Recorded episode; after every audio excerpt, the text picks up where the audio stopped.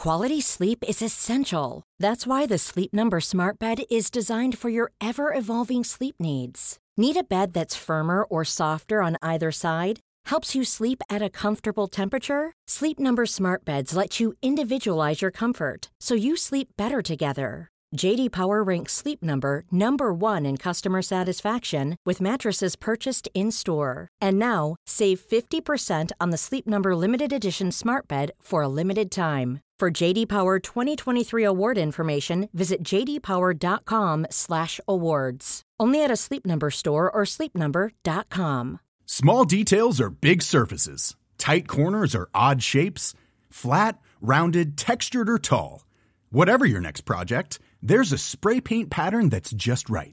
Because Rust new Custom Spray 5 in 1 gives you control with five different spray patterns. So you can tackle nooks, crannies, edges, and curves without worrying about drips, runs, uneven coverage, or anything else. Custom Spray 5 in 1.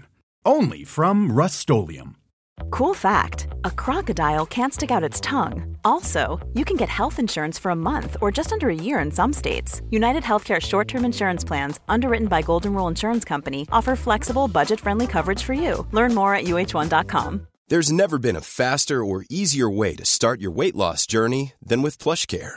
PlushCare accepts most insurance plans and gives you online access to board certified physicians who can prescribe FDA approved weight loss medications like Wigovi and Zepbound for those who qualify. Take charge of your health and speak with a board certified physician about a weight loss plan that's right for you. Get started today at plushcare.com slash weight loss. That's plushcare.com slash weight loss. Plushcare.com slash weight loss.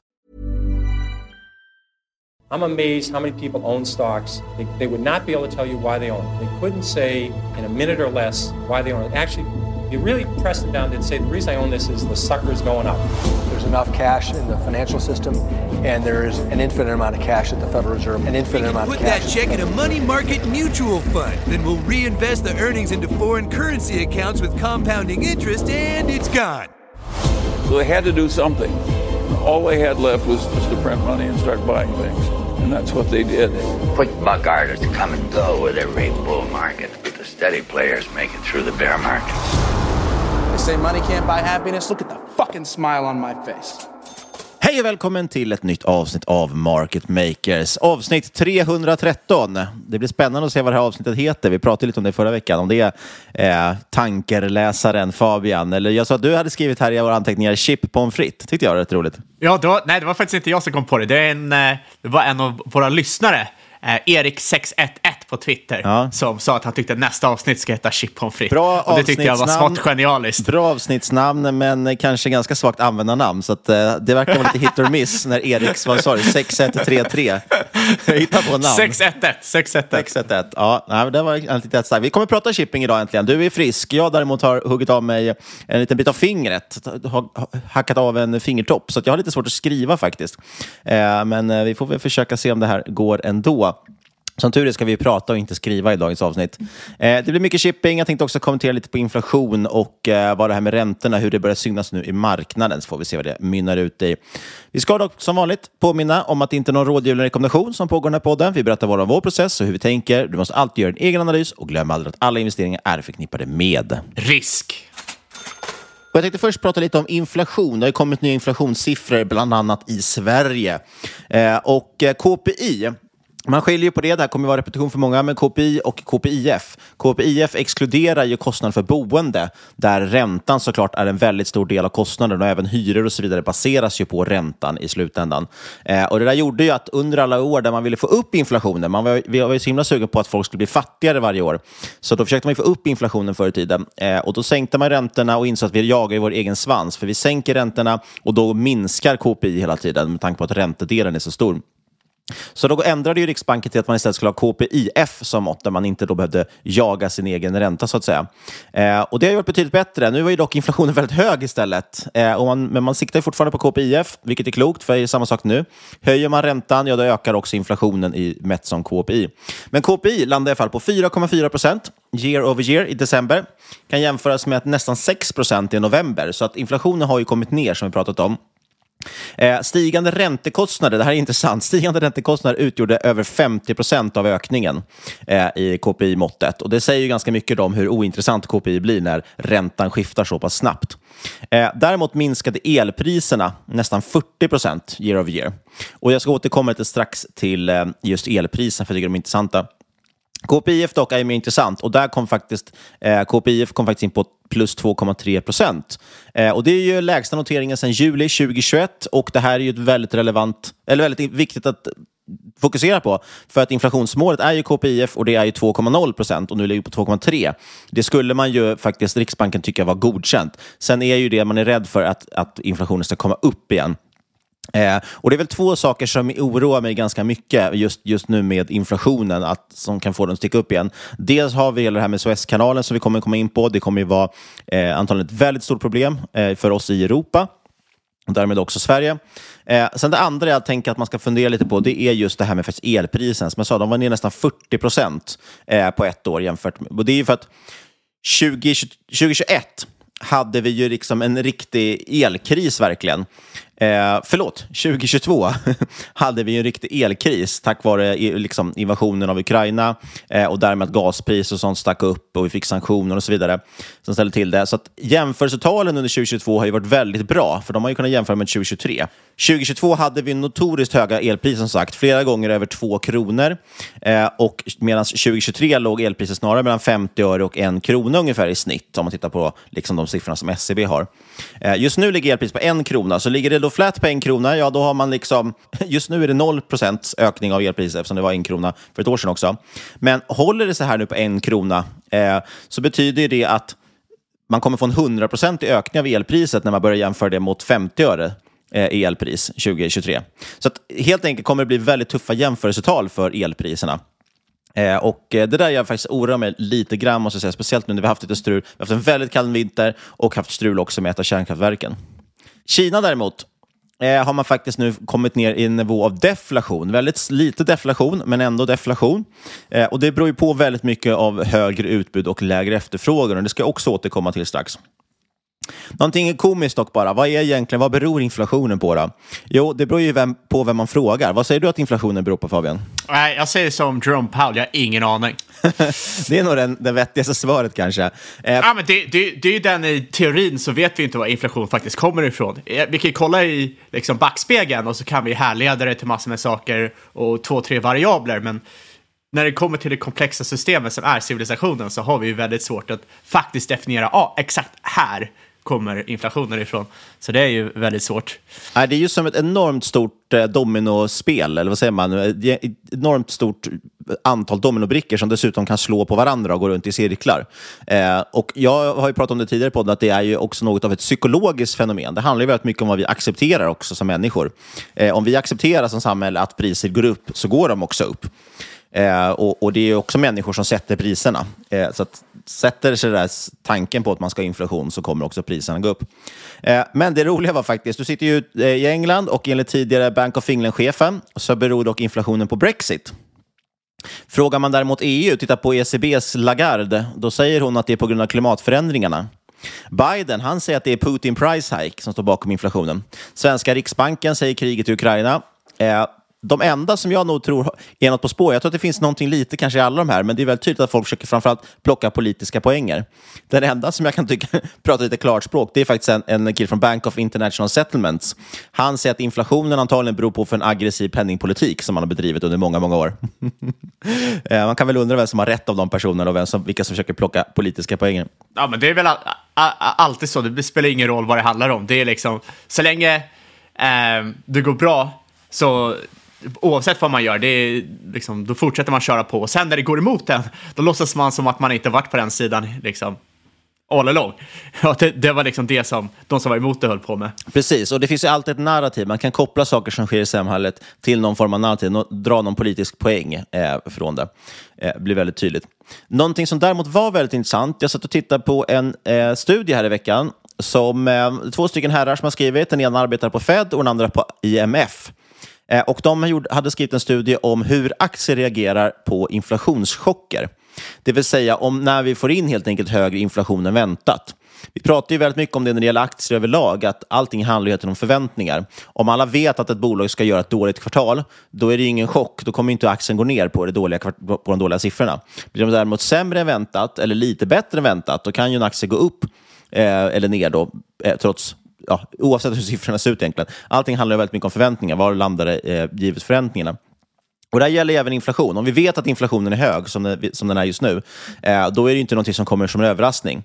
Utan det är när vi får en överraskning, antingen att inflationen är mycket högre än vad vi trodde eller mycket lägre. Och då måste alla kalkyler justeras. Och det gör ju då att marknadens syn på framtida kassaflöden förändras. Och, och som vi pratade om tidigare, tittar vi på liksom eh, klassisk aktieanalys så är det ju väldigt mycket DCF. Man tittar på framtida kassaflöden och därifrån räknar man ut vad en aktie ska vara värd. Och därav då har man forskat i, helt enkelt på hur aktier reagerar på en inflationschock. Så i en miljö med hög inflation då förväntar man sig att framtida kassaflöden, eh, vilket ju som sagt är det DCF beräknar, att de ska stagnera på grund av att företag har svårt att höja priser högre än inflationen. Man tappar alltså en reell tillväxt. Och vad jag menar med det? Jo, vi har ju sett under året när det har varit väldigt hög inflation så har vi sett många bolag rapportera väldigt bra siffror. Men är inflationen 10 procent, om, om eh, priset för matvaror har ökat 10 procent, då är det inte så imponerande att ICA växer 10 procent. Även om det är liksom i nominella termer, alltså 10 procent är högre än 2 procent som de brukar växa. Eh, men, men de har inte, tjänar inte mer, det kommer inte ner mer på sista raden. Det ökar ju heller inte kassaflödet. Eh, så rejält har egentligen då ICA tappat. De har haft nolltillväxt om inflationen var 10 och de växer 10. Eh, så det är lite intressant då. Och då har de dessutom räknat fram att eh, vad är det liksom som påverkar faktiskt aktiepriserna? Och de menar på att den här förväntan på lägre framtida kassaflöden. Så när du får en inflationschock, inflationen kommer in högre än väntat, då justerar man sina eh, DCF eh, och förväntar sig då lägre framtida kassaflöden. Och den justeringen står för över 50 procent av värdeminskningen, alltså aktieprisnedgången. Eh, resterande del är framförallt en justering av riskpremien för aktier, alltså, som alltså ökar. För man, nu kräver man ju högre avkastning för att vilja äga aktier i en hög inflationsmiljö. Och det är väl kanske för att man förväntar sig stigande räntor, vilket gör riskfria obligationer mer attraktiva i jämförelse. Och då är det intressant att fundera på vilka aktier som klarar sig bäst genom en sån här hög inflationsperiod.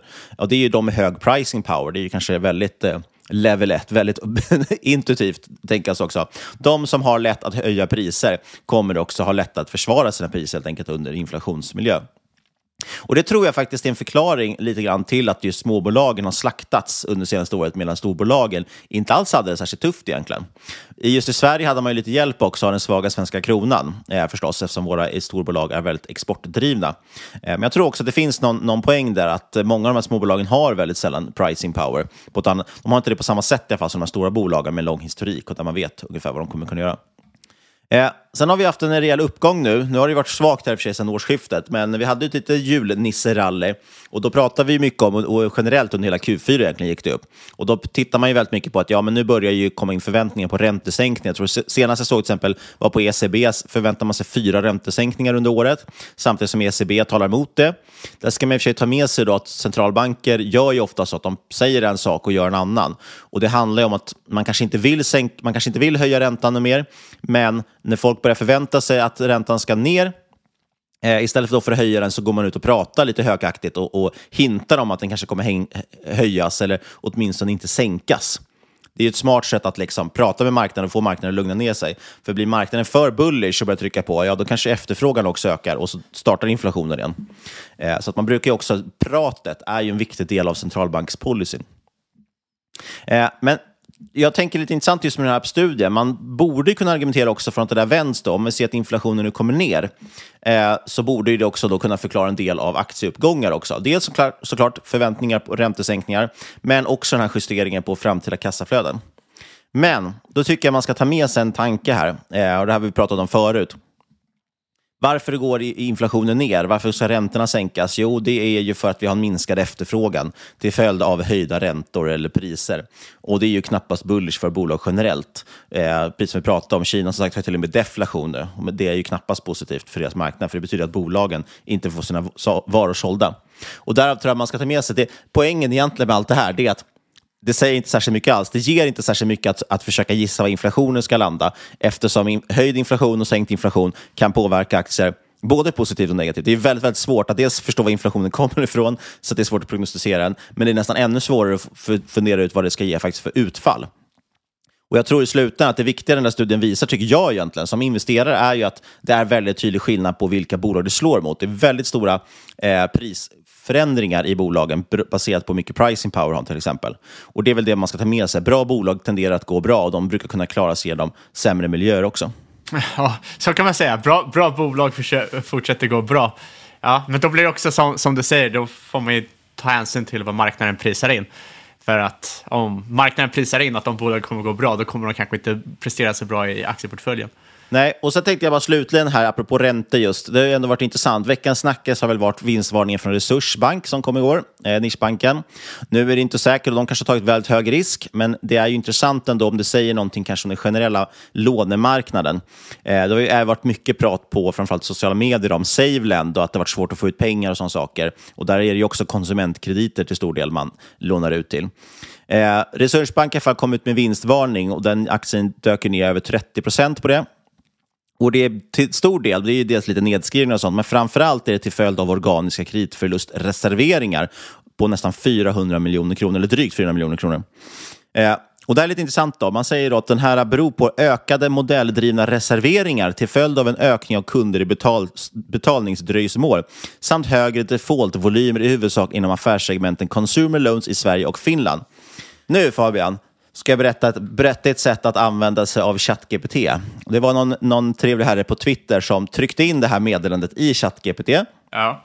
Och så bad han ChatGPT förklara det här så att en tioåring skulle begripa. Och så tryckte han in samma mening som jag precis läste upp. Och då säger ChatGPT så här. Eh, man har förlorat lite pengar på grund av att fler människor inte har kunnat betala tillbaka sina tid-lån. Det har varit, gjort att företaget har varit tvungna att spara mer pengar för att täcka dessa förluster. Det händer främst i affärsområdet konsumentlån i Sverige och Finland. Det tyckte jag var en betydligt bättre förklaring. Det handlar om att folk inte betalar sina lån. Ja. Varför gör de inte det? Kanske för att räntorna är högre och folk börjar få slut på sparpengar. Det kan också göra att det tillsammans med som sagt att eh, riskfria räntan är så pass mycket högre nu, så undrar jag lite vad de har för moat i till exempel bolag som SaveLend och andra som har sina sparkonton med högre risk eller sparmöjligheter där man ja, det, lånar ut till högre risk. Det jag inte fattar det är liksom att folk aldrig, all, aldrig lär sig. Uh, jag pratar inte om de här bolagen specifikt, jag menar bara liksom i i sådana miljöer vi har haft så kommer det upp, liksom, komma till spelare som ja, i stort sett tjänar pengar på subprime-kunder. Och för det, det, är exakt det här det är. Det är exakt samma sak som hände 2008 också. Och det är liksom att du har... De bästa kunderna kommer inte gå till sådana här äh, institut. De kommer liksom låna pengar från kvalitetsspelare. De kommer gå till SCB och grejer och låna pengar. Liksom. Sen de människorna som inte kan göra det, ja, de kommer ju behöva gå längre och längre ner i stegen. Och Eh, det är därför de här kan generera så bra yields. Det, det, är liksom, det är personer som inte är särskilt säkra att ha som låntagare och har väldigt hög default risk. Och det är därför du får en så jäkla hög yield. Och eh, ja, ja, det är inte alls konstigt, tycker jag, att, eh, att det här händer. För det händer om och om och om och om och om och om, om, om igen. Och det kommer fortsätta hända om och om, om, om, om, om, om igen i framtiden också. Och folk kommer aldrig lära sig att eh, det kanske inte är så jättebra att försöka plocka hem 6, 7, 8 till 10 procent ränta på någon dude som vill, jag menar, in, inte få låna på en banken. Var, varför får han inte låna från banken? Det är den stora frågan. Varför måste han vända sig till det här ny, ny, nya institutet och den här nischbanken istället. Verkligen. Och jag förstår ju att de här har funnits, de här typen av sparmöjligheter. Det har ju varit väldigt attraktivt. Alltså när, när liksom, man har inte ens fått man har inte ens fått någon ränta alls när man har lagt pengarna på ett sparkonto.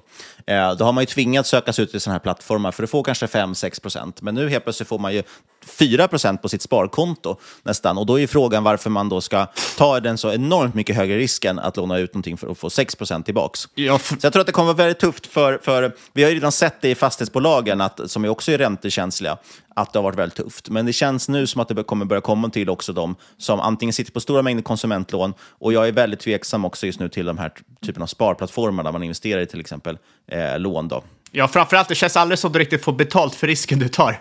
Det, jag menar, på, på börsen, då kan du i alla fall, då, då, då får, du, då får du betalt. Och på sparkontot får du betalt för risken du gör. Men på många sådana här plattformar känns det aldrig riktigt som du får tillräckligt betalt. Eh, du tar alltså mycket högre risk än vad du får i, eh, i gengäld. Ja, och vi pratade ju, för, när vi pratade om liksom lärdomar från året, då pratade jag lite om det här med begreppet likviditetsrisk, att det är svårt att komma ut till exempel en, liten, en aktie med låg omsättning. Eh, när det gäller just konsumentkrediter, eller krediter överlag, när du lånar ut pengar, då är det ännu tuffare, för där har du ju, vad ska vi kalla det för, en villkorsrisk. Eh, du, vet, du har ju ett villkor som säger när du får plocka ut pengarna. Pengarna är utlånade på en viss, eh, på en viss eh, vad heter det? tidshorisont. Och det har ju många som jag också sett, för det har varför varit lite snackis som ju SaveLend, nu blir de väldigt uthängda här, men det var lite snackis som SaveLend just på till exempel Twitter om att det var svårt att få ut pengar och så. Och det är ju inte för att det är enkla plattformar då, utan det handlar ju om att villkoren i, i eh, många av lånen är att de ligger på flera år. Eh, så att vissa lån tar ju väldigt lång tid innan de är helt avamorterade.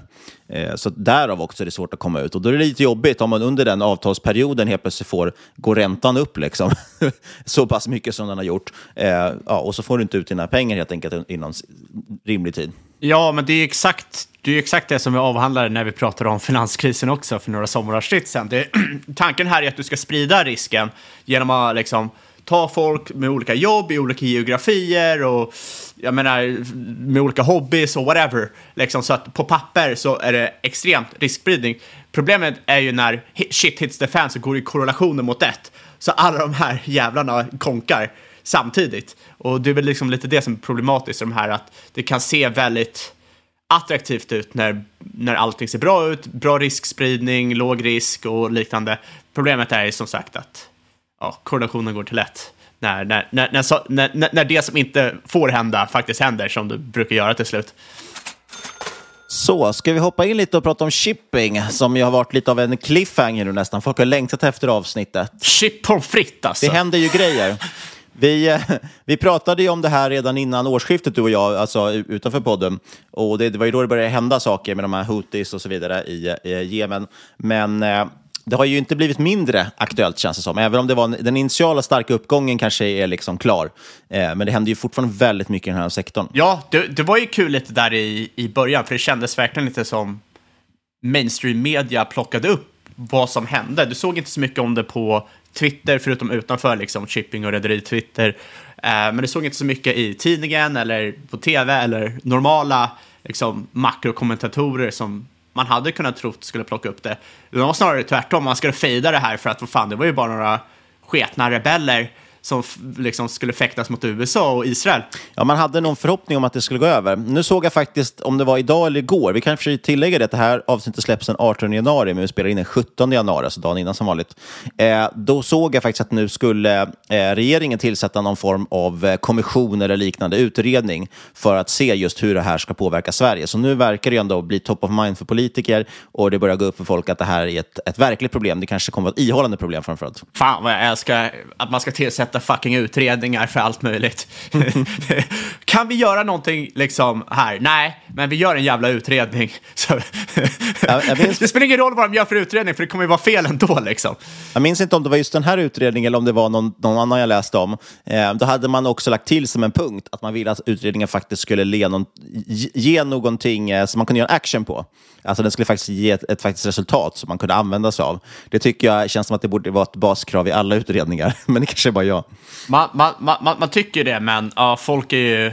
Jag vet inte. Men vart ska vi egentligen börja? Du drog en liten genomgång där för två veckor sedan i nyårsavsnittet. Uh, så vi kanske inte behöver ha en bakgrund bakom hela den här Houthi-grejen. Nej, jag kan ju dra en supersnabb recap. Eh, väldigt många, även om man inte har alla detaljer, det har inte jag heller haft förut, men eh, jag har fortfarande inte alla detaljer skulle jag tillägga. Men jag har läst på mer om det i alla fall. Eh, vi har ju en, en inbördes, liksom, en konflikt i Jemen mellan de rebeller och eh, ja, den tidigare regeringen, så att säga. Och de heter ju Houthi, de här med risk för att uttalet är felaktigt.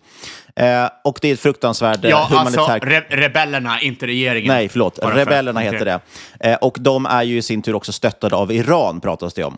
Eh, och, och eh, regeringen stöttade av Saudiarabien. Och det är kul, för det är, liksom, det är ett proxykrig som har pågått sedan, inte just i Jemen, där inbördeskriget höll på 2014, men det här proxykriget mellan Iran och Saudiarabien har pågått sedan 70-talet. I stort sett. Ja, och, och, det är väl därför man ska tillägga att det här kanske inte är en situation som löser snabbt. Visst, det finns väldigt mycket intressen här med att få upp Suezkanalen igen, framförallt för Egypten är det väl. Eh, men eh, liksom själva konflikten som ligger till grund för det här är ju inte någonting man löser i en handvändning, precis som med Israel och, och, och eh, Gaza eller Hamas. Det hänger ju liksom ihop, allt det här, de här stora konflikterna i Mellanöstern. Men poängen är att det är ett stort inbördeskrig i alla fall i Jemen. Det är en fruktansvärd humanitär katastrof, så vi har fått det ur vägen också. Eh, och det som har hänt egentligen, så, nej men, måste jag ändå säga det. Eh, men det som egentligen har hänt, som har förändrats när det gäller just shipping, är ju att Suezkanalen går ju precis, eller den börjar ju efter Jemen, men, men skeppen kör ju in där utanför Jemens kust. Eh, och då har ju helt plötsligt Houthis börjat attackera skepp. Och först börjar de attackera skepp från Israel, framför allt, för att de ville liksom eh, eh på något sätt sabotera för Israel i samband med att eh, Hamas och Israel liksom trappade upp sin konflikt. Eh, och sen gick de över till att börja attackera lite alla möjliga skepp. Så det är väl någon form av lite halvdiffus lite halvsladdrig recap av eh, en jättekomplex... Ja, och jag ska, ska bara påpeka där att de börjar attackera då i Röda havet, så att annars kommer man ju vara någon som påpekar ja, men det. Jag menar, det är inte i Suezkanalen, men, men den mynnar ju ut där. De måste ju in den vägen för att eh, komma till, eh, till Suezkanalen. Mm, exakt. Och den praktiska effekten blir att det går inte att åka i Suezkanalen, för du kommer inte in till den. Ja, och eh, effekterna... Och så det är ju skitsvårt att stoppa det här, för vad, vad, ska man göra? Ska man glida in och bomba sönder alla Houthis? Ja, det är ingen som vill åka genom en krigszon liksom. Eh, och eh, jag menar, rebeller är lite som kaniner liksom. Det är skitsvårt att stampa ut dem. Stampa ut en, kommer hundra liksom, nya och eh, attackerar. Så det är, det är en rätt, rätt, rätt, svår situation här att, eh, att lösa, samtidigt som våra supply chains är ju jäkligt fragila. och Att vi har ju verkligen sönderoptimerat dem att vi tar den snabbaste eh, rutten, eh, för det är billigast, och då kör man ju liksom allting via den rutten. Och Suezkanalen är väl det är väl snabbaste vägen mellan Asien och Europa. Och då kör ju liksom eh, jag tror 15 procent av global handel men liksom 30 procent av containerhandel. Precis. Till exempel. Det är kanske en viktig poäng också. Varför Suezkanalen är så viktig? Ja, det är för att det är snabbaste vägen. Annars måste du köra runt hela Afrika. Så det ökar ju transporttiden enormt mycket. Ja, så man är... Och också bränsleförbrukningen, vilket ju Fabian, oljekungen, gillar. Ja, eh, exakt. Jag ökar väl i och för sig kostnaden för många bolag, men... Eh, ja, sen, sen, har du den här, liksom, du får ju liksom double whammy här att inte bara är genomströmningen i Suez eh, störd, utan då är även liksom, eh, Panamakanalen som är störd. Genomströmning som har fallit 50 75 procent på grund av låga vattennivåer. Två väldigt viktiga eh, liksom transport, transportpunkter, två väldigt viktiga kanaler som nu inte riktigt fungerar i vår sönderoptimerade supply-kedja. Och det som du säger innebär ju att eh, ja, det, framförallt innebär det ju att liksom, kostnaden för att frakta har stigit väldigt mycket väldigt snabbt. Och eh, till exempel när det kommer till Suezkanalen måste du köra runt Guddehoppsudden och eh, addera mellan 10-14 dagar på en resa eh, som vanligtvis kanske tar 30 dagar. Så det är en, liksom en 30 procent ökning. Och det innebär ju såklart starkt stigande, stigande priser och eh, det är såklart bra för industrier som rederier. Eh, det är också bra att ta, liksom, tänka ut hur kan det här påverka eh, andra bolag jag äger. Kan det till exempel vara en eh, eh, långcaset här för New Wave 2024. Vem vet? Vem vet? Second level thinking tycker jag. Um. En, en grej som jag faktiskt, och det här har jag dålig koll på, eh, så jag vet inte, men jag, jag funderar lite på, vi har ju varit väldigt mycket fokus på komponentbrist, att man inte fått hit komponenter från Kina. Det är ju lite intressant här, att det lär ju också bli fördröjningar nu, för jag antar att de också går den vägen. Å andra sidan så handlar det ju inte, alltså så fort man får runt trafiken, det tar ju lite längre tid att få hit varorna, eh, men det blir ju en störning då på några dagar. Sen liksom är ju ändå flödet hyfsat okej. Okay. Sen är det i och för sig då, det kommer ju krävas, det finns ju inte till med skepp då för att täcka samma, hålla samma effektivitet över eh, den här vägen. Det, det stod, men det är lite exakt. tveksamt. Sådär, om, om, det, det, är inte helt säkert att, att man får någon ny komponentbrist, liksom, men det finns ju förstås risk för det. Om inte annat kommer det kosta mer. Ja, exakt. Så det är väl den större, stora risken att det finns uh, in, inflation. Och det är väl, det är väl någonting vi har sett med våra supply-kedjor. Liksom. Det, du har sån uppsiderisk för inflationen uh, om någonting bara knakar ur. Och det är väl någonting som man kanske inte riktigt fullt tagit hänsyn till innan. Ja, men äh, för att komma in då liksom lite på rederier och shipping. Jag tänkte att vi kan ju gå igenom lite snabbt sektorn. Äh, allting ser ju inte så här superintressant ut, äh, kan jag inte tycka. Och sen ska vi hoppa in på ett case i eh, Okeanis ekotankers. Ja, alltså så länge det här i Suezkanalen, eh, liksom, så länge inte det är trafikerat fullt ut eller genomströmningen har minskat som sagt, så kommer det vara eh, positivt för rederierna. Eftersom det är ju en längre färdsträcka och det är ju liksom samma sak som ökad efterfrågan. Men eh, det gäller att hålla koll på liksom, vilka fartyg som fraktar vad, för i slutändan så driver utbudet och orderboken. Om ett gäng nya fartyg kommer in i marknaden så stiger utbudet, vilket får eh, liksom fraktpriser att sjunka. Så kollar man till exempel på eh, containers eller LNG carriers eller row-rows, det vill säga fartyg som är designade för att frakta bilar, så är det enorma beställningar i de här orderböckerna som kommer komma under 2024 och eh, 2025. Så just containerskepp, eh, det är väl det är de som har dragit väldigt mycket nu. Det är Maersk och Sim och liknande. Eh, och det är också de som har fått mest uppmärksamhet.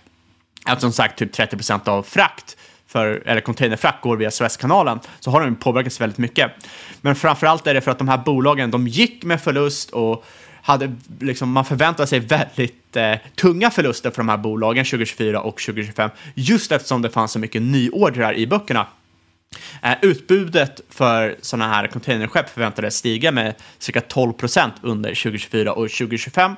Eh, och det kanske inte låter så mycket, men som allting så liksom det prissätts på marginalen så att eh, bara liksom ett eller två eller tre nya skepp eh, tillkommer till totala flottan kan det ha drastisk påverkan på, på rates. Ja, och som jag tror vi var inne på förra veckan också, eh, så har det ju varit så sagt, väldigt låga förväntningar på de här bolagen för att de generellt har haft det tufft.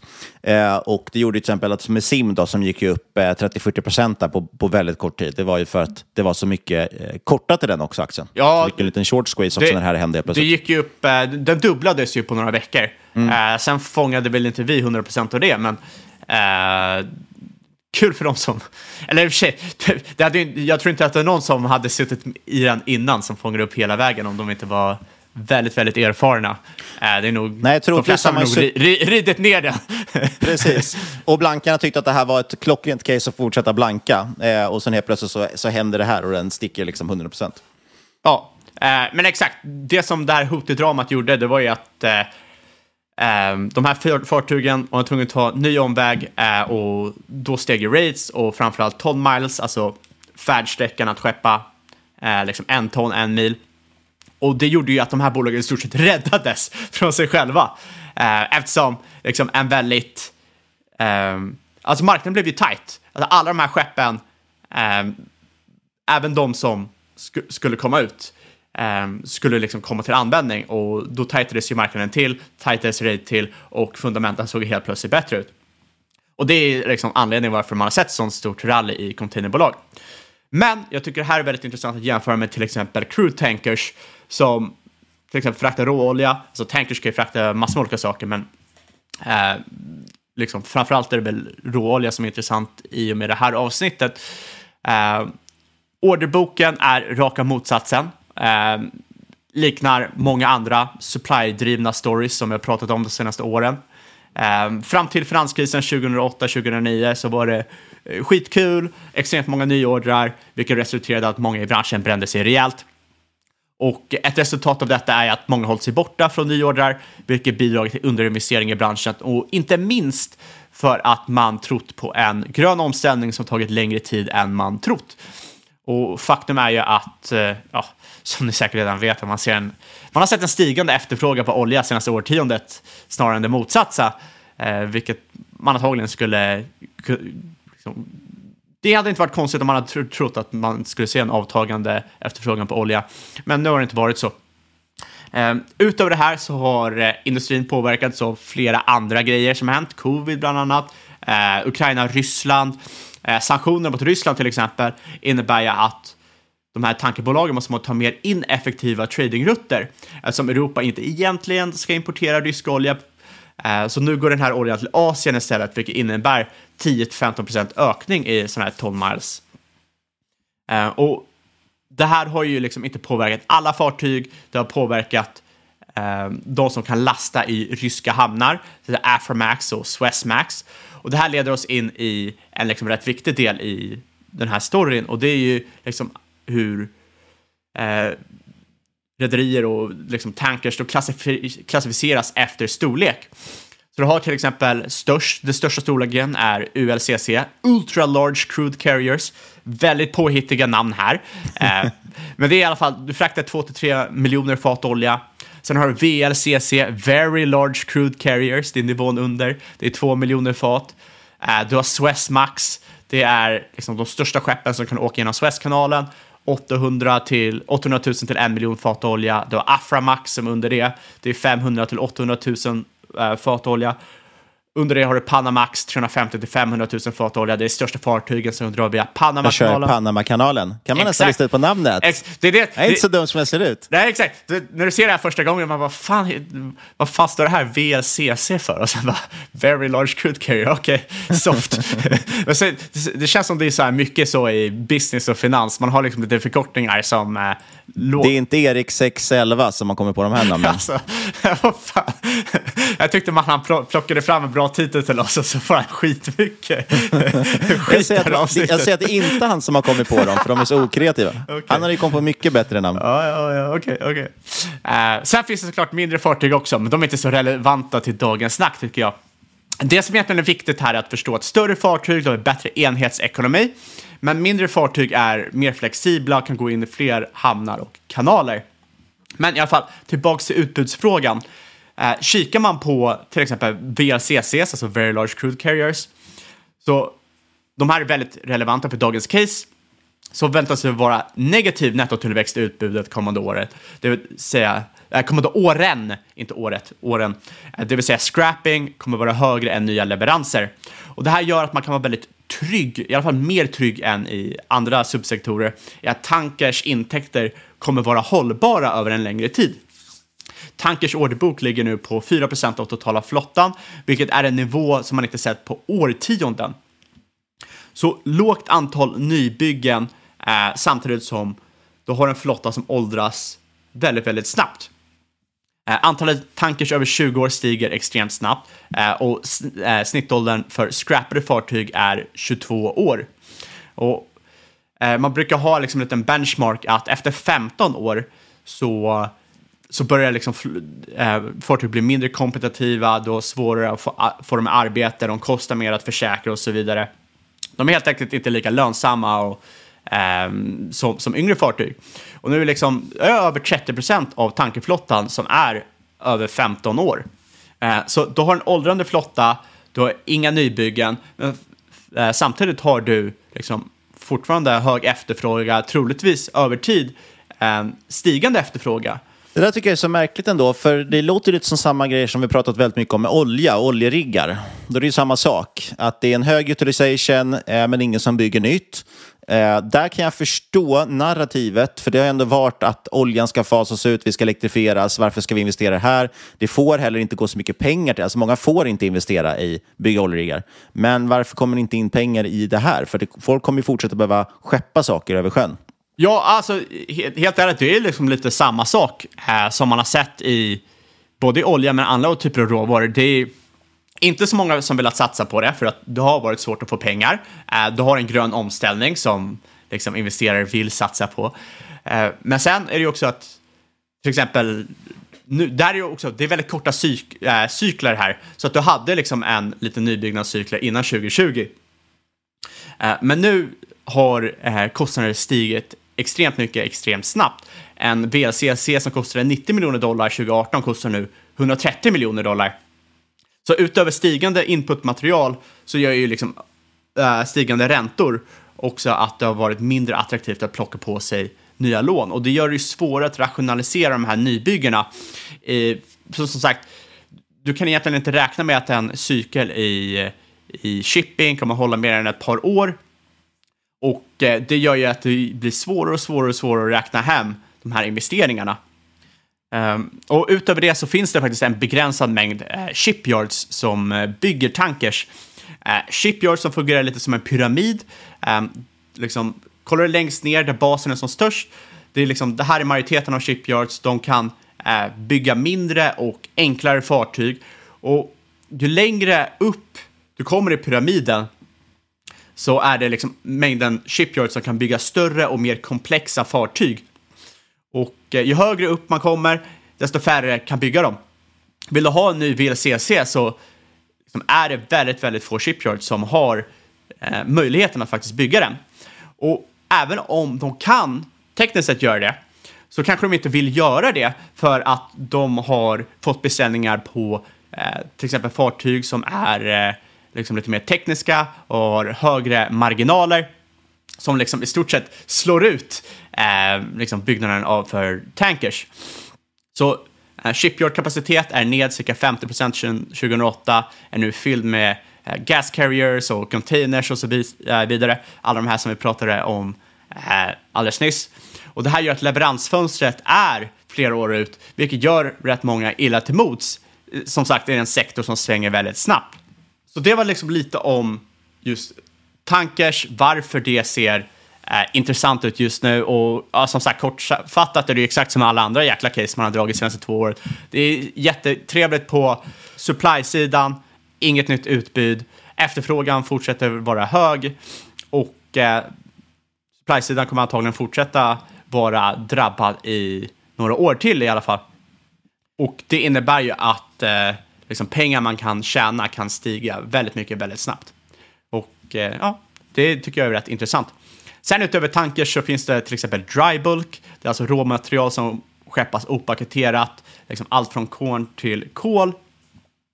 Um, här, de har också en väldigt attraktiv orderbok, lik tankers, samt bolag som handlas väldigt billigt. Jag har inte kollat närmare på den här sekt, subsektorn än, men intressant är potentiellt Himalaya Shipping, uh, där vi bland annat har Tor Olav Troim som är inne och vevar, uh, som ni kanske känner igen från borrdrilling. Så, så viktigt här att ha med sig att vissa subsektorer inom shipping har fundamenta med sig och det handlar inte om bara att det är en konflikt i Röda havet. Som vi sa i nyårsavsnittet så är liksom containers och containermarknaden det är endast attraktivt eh, och kan tjäna pengar om rates hålls här ett tag på grund av det som händer i Röda havet. Men de är stora förlorare om rates faller tillbaka eftersom de då inte kommer tjäna pengar då är det bättre med margin of safety i till exempel tankers där du har liksom en grundläggande attraktiv fundamenta med liksom den här eh, potentiella uppsidan i geopolitiska risken som liksom är liksom lite grädde på moset. Med det sagt så tycker jag inte att containers är en liksom no-no och man måste hålla sig borta. Allt handlar om hur marknaden, som du sa Niklas, hur marknaden prisar in versus liksom verkliga utfallet. Och i många bolag så verkar inte marknaden diskontera för hur mycket eh, liksom ratesen har stigit. Man tror inte att de kommer hålla i sig liksom, eh, nämnvärt. Och eh, så därför tycker jag att det ändå kan vara värt att kolla på de här eh, bolagen i containers och roros och liknande där du kanske har ensiffriga bakåtblickande FCF-multiplar, eh, stigande rates för 2024-2025, men marknaden är rädd att liksom, den här new build-cykeln kommer liksom krascha hela marknaden. Grejen här är liksom att om marknaden tror att det kommer hända tidigare än vad det verkligen gör, då kommer du kunna plocka rätt mycket pengar där på spreaden. Och eh, det gör ju såklart att det finns en högre risk här om, om allt skulle skita sig, men det gör ju också att eh, marknaden kan missa saker och eh, kan vara väldigt intressant att kolla på de subsektorerna också. Men det här leder oss in på Okeanis Ecotankers, ticker OET och ECO. Eh, det är nämligen så att i december 2023 så dubbellistades bolaget eh, under ECO på eh, New York Stock Exchange. Och det är alltid positivt för det kan ju öka likviditeten av att vara dubbellistad. Annars är det ju noterat på norska börsen. Och eh, som disclaimer här, jag äger aktier i Eko. Jag tror att du också gör det, va? Jag äger aktier i O1. Mm. Och jag äger ju aktier i Eko som sagt. Och det var ju lite för att, eh, dels jag att det var att jag handlade den på amerikansk tid, eh, men framförallt, ett, en anledning till att jag började kolla på just det bolaget också, eh, var ju för att jag tyckte det var intressant med dubbellistningen. För som du säger, att den driver ju, kan ju driva likviditet. Och när den här krisen liksom slog till, jag var ju, försökte vara lite opportunistisk och snabbfotad. Eh, och då var ju här ett av bolagen som jag knep upp just för jag tänkte att eh, jänkarna kommer, det är de som kommer driva in pengar det här framförallt. Och de kommer leta bolag listade i USA i första hand. Ja, det är så det brukar vara. Uh, ja, jag kan, uh, kan rikta en, uh, ja vad, vad, ska man säga? Uh, shoutout. Shoutout, så heter det, till Daniel Kakai och JGS Ventures som uppmärksammade mig till O1 när det började infinna sig. Det var i stort sett sk sk skrev väl till dem, ah, nu händer, jag vet att ni håller på med shipping, nu händer det någonting här, vad ska man kika på? så liksom, fick man lite inspo att eh, kolla och eh, det har inte jag kollat på så här dunder mycket inom, inom sektorn. Utan det har ju varit så här, man, är, man har kollat på några bolag och det, här, ah, det här såg bra ut, så då köper man det liksom. Behöver inte kolla på all, allting som finns under Nej, och speciellt vi pratade lite om det, när man ska vara väldigt aktiv så måste man ibland vara lite snabb också. Eh, och då handlar det ju om att, att, hitta andra saker. Ja, men eh, i alla fall en snabb, snabb genomgång här. Och, det, liksom, det, är ett, det är ett jäkla shippingbolag, det är inte så mycket man behöver säga om det. De, de, äger, de äger fartyg liksom. Eh, de har sex stycken Swessmax-fartyg. åtta stycken eh, VLCC, Very Large Crude Carriers. Eh, bolaget listades 2018, har väldigt stark storägare i Alafos, Alafosos-familjen eh, som äger en majoritet av bolaget liksom, de har alltså managementherrens liksom, historik av att ha näsan för marknadscykeln. Eh, de är aktieägarvänliga. De tenderar att låsa in rates som är högre än snittet i sektorn. Så det är väldigt, väldigt positivt. Och sen delar de ut väldigt, väldigt mycket pengar till oss aktieägare. Eh, bolaget fokuserar också på att vara eh, så kallat future-proof. Det är alltså, de vill ha fartyg som är eko, konsumerar mindre bränsle, använder billigare bränsle Eh, liksom mindre utsläpp och så vidare än konkurrenterna. Och eh, det gör ju såklart att det är billigare att driva de här skeppen. Ehm, och mindre risk att det ska komma någon reglering som fullständigt fuckar ur. Eh, dessutom är flottan extremt ung med en snittålder om 3,5 år. Vilket gör att den är säkrare, mer kompetitiv och billigare att försäkra. Ökad ålder innebär ju som sagt att risken ökar och eh, 15 år är som sagt benchmark för att tävla om, om shorters. Efter det så börjar det liksom falla av rätt, rätt snabbt. Så det här är alltså en väldigt ung flotta, låga break-evens som gör att den är väldigt attraktiv att fånga en uppcykel i race.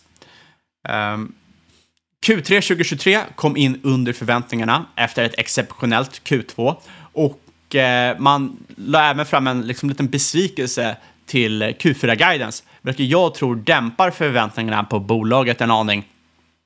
Eh, svagare, ja i stort sett så såg man ju liksom att eh, eh, Swessmax rates föll med typ 50 procent och VC eh, C rates föll med typ 30 procent. Inte liksom kanske idealt, men det är sånt som händer i den här branschen. Det svänger väldigt, väldigt snabbt och det här är ju kortsiktiga problem framför allt. Shippingsektorn är ju väldigt slagig och att sitta och liksom läsa in kvartal till kvartal kan vara mer brus än signal. Det är viktigt att förstå vart i cykeln man är och långsiktigt så ser ju liksom allting väldigt, väldigt bra ut. Sen när du kanske kommer till en punkt då du har väldigt många nyordrar, ja då kanske du börjar liksom plocka av lite pengar från bordet för då är ju liksom eh, då, då börjar liksom cykeln komma, komma mot den enda. Men det här är som sagt bra bolag, liksom så här, ett av de mer kvalitativa bolagen i sektorn och efter de senaste åren i de här cykliska sektorerna så har, har personligen visat sig att gå efter kvalitet snarare än liksom det som absolut billigast har eh, ofta lönat sig. Det finns ju ofta en anledning till att saker är billiga, det här med värdefallor och så vidare. Exakt, exakt. Eh, så det, det gäller ju att hitta någon eh, någon typ av mellantill. För du vill inte heller hoppa på det som är liksom alltid dyrast heller, för då tenderar du att få rätt kass avkastning över tid också. Så det är liksom lite av en trade-off där. Du behöver inte nödvändigtvis, nödvändigtvis vara liksom mest kvalitativa bolaget, men du vill ha någorlunda kvalitet och trade av liksom, så att det kanske är lite dyrare än det absolut billigaste. Ja, det där är så olika också. Det är som vi pratade om med uran. Eh, vi undvek ju Cameco för att det är ett av de största kändaste bolagen, för vi tänkte där kommer det inte ge någon jättebra eh, avkastning. Och sen gick ju den aktien hur bra som helst när uranet vart hett. Så det blir lite också på vad det är man letar efter. Det är liksom en story trade, att okej, okay, nu ska uran bli stort till exempel. Då kanske det är intressant ändå att fundera på vilket bolag kommer börsen att först välja att, att prisa upp. Ja, men, det, det, men jag håller med dig i stort. Jag håller med dig i sak egentligen. Sen, sen, sen är ju uran lite av en eh, speciell sektor där eftersom liksom Cameco var i stort sett den enda spelaren fram till väldigt nyligen. Um, som, som du kunde handla. Eh, så, så att det var ju den som folk hade koll på. Folk kanske inte kunde handla. Ja, men det är det jag menar. Liksom, Då kanske man slänger sig över något annat. Och det kan ju också vara andra saker som spelar in det. Att det är högre likviditet eller USA-listat eller vad det kan vara. Jag bara säger att det finns alltid om och men i allting. Absolut, absolut. Men eh, eh, exakt. Men jag håller med dig generellt. Men, men, men det här var det liksom så här, jag, jag tyckte, ja, bra kvalitet, eh, helt okej värdering. Det är väl eh, intressant, och, intressant att kika på. Ja, och för Q4, man har låst in mycket av sina rates så att det är rätt eh, enkelt här att gissa vart, vart det kommer eh, hamna på. Men det är egentligen inte helår 2023 som är så intressant. Det är ju vad som händer nu i, i 2024. Och med start 2024 kommer liksom hela flottan att trada i spotmarknaden. Och här är det viktigt att gå in på liksom lite hur tanker chartras. Och i stort sett så är det på två olika sätt. Eh, antingen har du så kallade time charters, du har uthyrning en längre tid, till exempel flera år, där den som leasar fartyget är ansvarig för alla utgifter. Och sen har du så kallade spot charters eh, för enskilda turer där ägaren är ansvarig för kostnader. Lite som att hyra en bil versus ta en taxi. Och att vara i spotmarknaden ökar såklart volatiliteten, men är ju positivt om spotmarknaden drar iväg som den gör nu. Och eh, Okeanis, de har market cap på strax under en miljard dollar. Um, skulder på cirka 700 miljoner dollar. Cash på strax under 100 miljoner dollar. Uh, och så totalt blir det här liksom en enterprise value på cirka 1,6 miljarder ungefär. Och uh, intressanta här nu är ju vad de kommer tjäna eftersom det är så du kommer få tillbaka dina pengar i den här typen av bolag. Uh, och de har en väldigt stark historia av att dela ut. De har delat ut cirka 245 miljoner dollar totalt sedan 2018. Delar ut cirka 100% av sitt fria kassaflöde, cirka 90% av sin eh, vinst per aktie i snitt. Och för 2023 innebär det här strax över 4 dollar utdelning eller cirka 15% i utdelningsgild. Och det här är väl mitt base case för 2024. Här jag tror liksom att om vi inte skulle haft hela den här hotig-situationen så hade vi hamnat ungefär här. Men... Du, du säger att man skulle få ingen uppvärdering, alltså ingen eh, prisuppgång i aktien, men däremot få 15 procent eh, direktavkastning. Man, du vet ju aldrig. Men alltså så här, 15% direktavkastning är ju väldigt, väldigt högt. Och det är väldigt... Ja, verkligen. Jag, jag, jag, det, är jag ganska, att... det är ganska starkt base case ändå för Ja, 15 ja, procent. ja, jag, jag, jag tycker det är liksom så här, in, inte så här superrimligt att det ska sitta och trycka på 15% över tid. Sen vet ju aldrig hur marknaden reagerar, Eh, men där har du liksom något typ av, eh, liksom, även om aktien inte rör sig så tror jag du har fundamentan där bakom för att få en 15% eh, även i år. Men sen har du liksom det här, eh, i bakgrunden du har Houthis, du har liksom en, en riktigt tight mark marknad för VLCCs och tankers. Och det gör ju att jag inte skulle bara liksom tycka att det är jätte, jätte otroligt att se yields uppemot 25-30 procent, alltså utdelningsyields. Och eh, det är ju helt absurt högt. Eh, och nu eftersom vi har liksom flera år framför oss innan, även om du skulle ta nybyggen just nu, så, så känns det som att liksom du på en relativt kort eh, tidsram kan återhämta hela din investering här. Ehm, men det här eh, liksom kommer såklart med risker. Ehm, 100% Va? Jag tror du skulle säga att det var riskfritt. Eh, 100% spot kan såklart vara katastrofalt om eh, det kommer till exempel ett nytt covid-event. Eh, men jag tror inte liksom, det är nödvändigtvis den största risken här. Eh, större risk egentligen att liksom, du släpper på sanktioner mot till exempel Ryssland, vilket kommer påverka rates för Swesmax. Eftersom de då kan optimera sina rutter lite mer. Eh, men sen, alltså, det, det är väl liksom lite sådana saker. Kina och e- emerging markets skulle vara, kanske vara svagare än vad man tänkte. Eh, vill ha mindre olja. Men sen tycker jag liksom, du ser många positiva signaler också som kan vara rätt positivt för marknaden. Du har ju liksom USA som har rätt stor oljeoutput nu som kanske är negativt mot mina andra oljebets men är positivt här för då måste du ju frakta liksom olja från USA till resten av världen.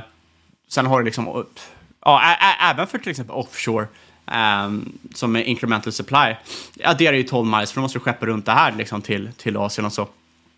Um, vart vill jag ens komma med det? Jag menar, uh, inte riskfritt, men uh, med tanke på hur sektorn ser ut nu, tight sektor, uh, tight supply, uh, kvalitativt bolag, um, så sitter väl jag här och skissar att de kanske har en 15 till 25-30% utdelnings Eh, yield eh, för 2024-2025.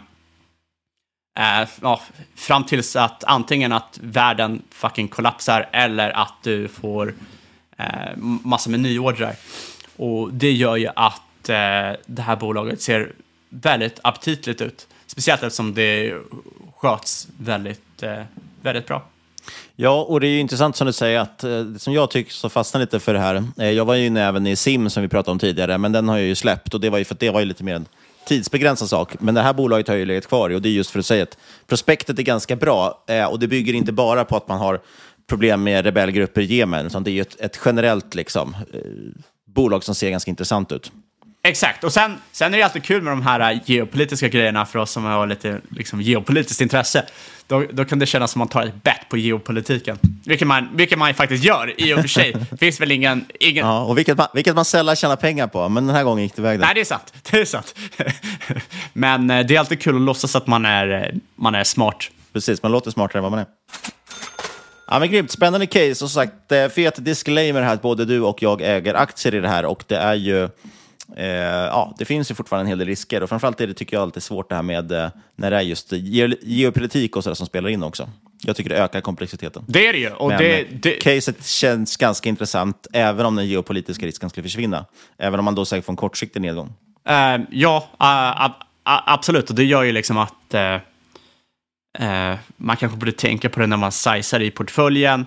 Liksom, vad är unknown unknowns här och hur kan det kan det påverka? Det är ju skitsvårt i sådana här äh, sektorer, speciellt när de är väldigt, väldigt volatila. Um, men som sagt, jag tycker fundamentan ser väldigt bra ut för den här subsektorn och eh, kvalitativt bolag där det känns som man kan lita på management, eh, pumpar ut pengar, kommer antagligen pumpa ut de pengarna i din ficka. Um, how wrong can it go? Famous last words. Och med det så ska vi väl påminna om att det inte är någon eh, rådgivning som sker i den här podden. Alla åsikter varje en gäst och eventuella sponsorer tar inget ansvar för det som sägs i podden. Tänk på att alla investeringar är förknippade med risk och sker under eget ansvar. Kontakta oss på podcast at marketmakers.se eller på Twitter at marketmakerspod och glöm inte lämna en recension på iTunes. Och sist, men absolut inte minst, kära lyssnare, stort tack för att just du har lyssnat. Vi hörs igen om en vecka.